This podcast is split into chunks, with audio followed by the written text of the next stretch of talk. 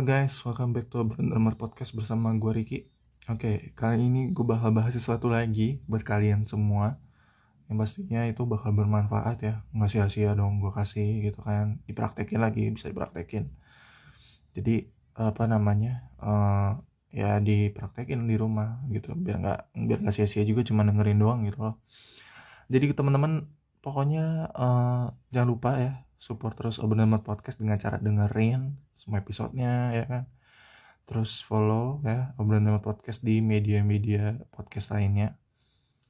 Terus juga teman-teman kalau bisa juga uh, follow uh, apa namanya follow Instagram atau brandammer underscore ya di Instagram. Terus juga share ke teman-teman kalian dan orang-orang yang kalian kenal yang suka dengan drum ataupun musik ya karena ini memang bermanfaat bisa dipraktekin dan bisa diceritakan bisa di sharing-sharing ke teman-teman kalian gitu loh. Dan praktekin di rumah di drum pun juga bisa ya kan gitu. Kalian internalisasi aja mau apa pun itu bentuknya ya. Mau itu pengalaman pembelajaran ilmu dari gua ya teknik drum ya kan ataupun cerita-cerita aja ya yang bisa menghibur kalian dan penasaran dan pengen bisa ikutan kayak gua gitu oke okay, uh, eh, mungkin gua langsung aja ya ke inti pembahasannya hari ini Nah, pembahasan hari ini itu terkait dengan cara untuk bisa menyedapkan groove atau beat ya. Nah, seru kan ini main pocket ya.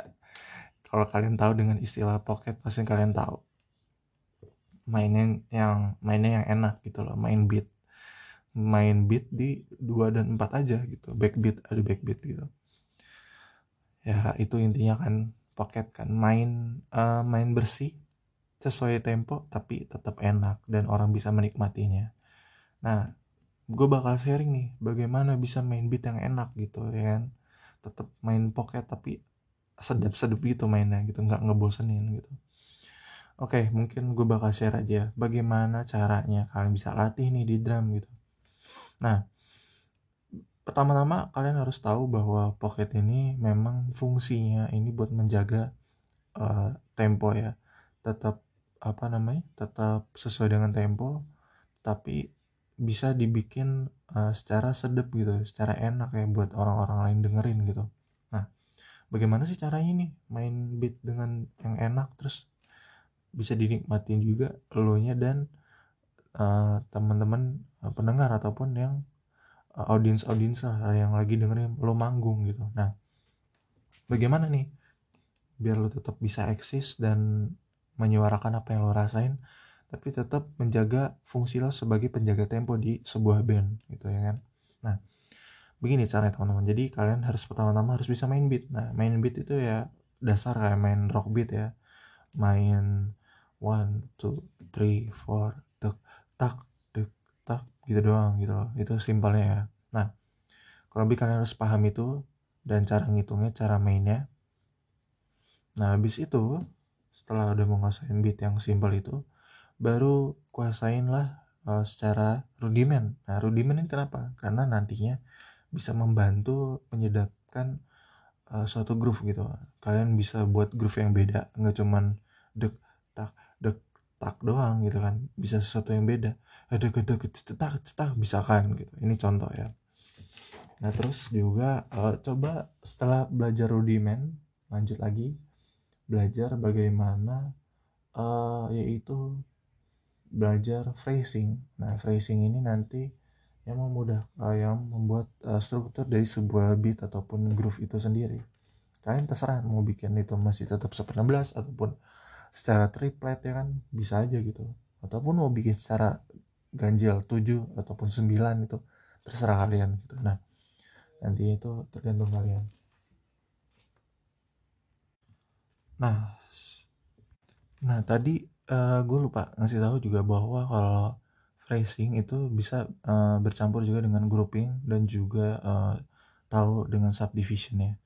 Kayak berbagai berbagai uh, nilai not ya, misalkan 19 per 8, triplet per 8, triplet per 16 gitu-gitu dan sepertiga dua itu subdivision nilai not ya. Kalian harus paham itu nanti yang bisa menyedapkan groove juga menjadi suatu groove yang atau beat yang beda gitu. Nah, terus uh, setelah itu kalian udah belajar phrasing grouping dan subdivision habis itu kalian uh, belajar time signature juga nah time signature itu nanti yang uh, apa namanya membuat beberapa bar dari groove itu sendiri. Bisa nanti barnya dua jadi bisa dua per empat ataupun empat per empat bisa enam per delapan tujuh per delapan sembilan per delapan tergantung kalian. Sesuai dengan kemampuan kalian juga ya. Sesuai dengan step-step tadi juga kalian udah menguasai gitu. Nah habis itu uh, setelah itu kalian belajar uh, kan udah belajar rudiment grouping phrasing kan ya. Sama subdivision lah ya sama time signature. Nah kalian di situ coba taruh dinamika di dalamnya di dalam pemukulan drum kalian gitu. Itu nanti yang membuat groove itu hidup dan bisa berbeda karena memang permainannya beda karena ada aksen dan ghost note ya gitu loh. Jadi nanti kalian belajar bermain dinamika juga dengan pukulan-pukulan karena itu nanti berpengaruh dalam nanti uh, suara dalam drama itu sendiri gitu. Nah setelah itu kalau udah belajar dinamika kasihlah belajar space gitu. Nah itu space ini adalah ruang di mana kalian nggak perlu ada note dipukul di satu bar itu. Misalkan di penempatan apa ya satu penempatan bar itu kalian nanti mau ada kosong silakan gitu. Itu nanti juga bisa membuat uh, apa namanya membuat groove itu menjadi sesuatu yang berbeda lagi lebih lebih kompleks lagi gitu. Bahwa lo nggak cuman belajar rudiment tapi ataupun step-step sebelumnya gitu loh. Jadi kayak uh, lo tuh ngomong di drum gitu nggak cuman mukul doang jadi itu apa yang lo komunikasiin drum ya itu gitu loh. Jadi belajarlah nggak um, harus semua bar di drum itu dipukul gitu loh. Yang penting kalian bisa ngitung dan itu tetap sesuai tempo. Paling itu sih teman-teman. Nah uh, mudah-mudahan dengan step yang pendek ini bisa bermanfaat buat kalian nih. Karena episode ini bisa dibilang ada pendek ya. Memang pocket kan bisa bermacam-macam ya tapi kalau itu nggak bisa dinikmatin orang-orang itu juga uh, apa namanya situasinya kurang uh, kurang tepat gitu. Kalau misalkan kalian memang ngisi klinik ataupun memang mau show off itu silakan gitu. Ataupun lagi drum solo ya silakan. Tapi kalau memang uh, situasinya lagi apa situasinya lagi memang penjaga tempo dalam sebuah band ya kalian harus bisa uh, membuat pocket yang enak tapi bisa didengar sama uh, teman-teman audiens gitu. Itu sih sedikit tips dari gue semoga dengan podcast yang pendek ini bisa bermanfaat mudah-mudahan kalian praktekin ya mulai dengan tempo yang pelan dan cepat ya seperti biasa. Jadi jangan sampai apa nama jangan sampai apa nama jangan sampai uh, jangan sampai um, apa ya terlangsung ke hal-hal yang ribet gitu. Jadi ikutin step-step gue yang tadi semoga kalian bisa.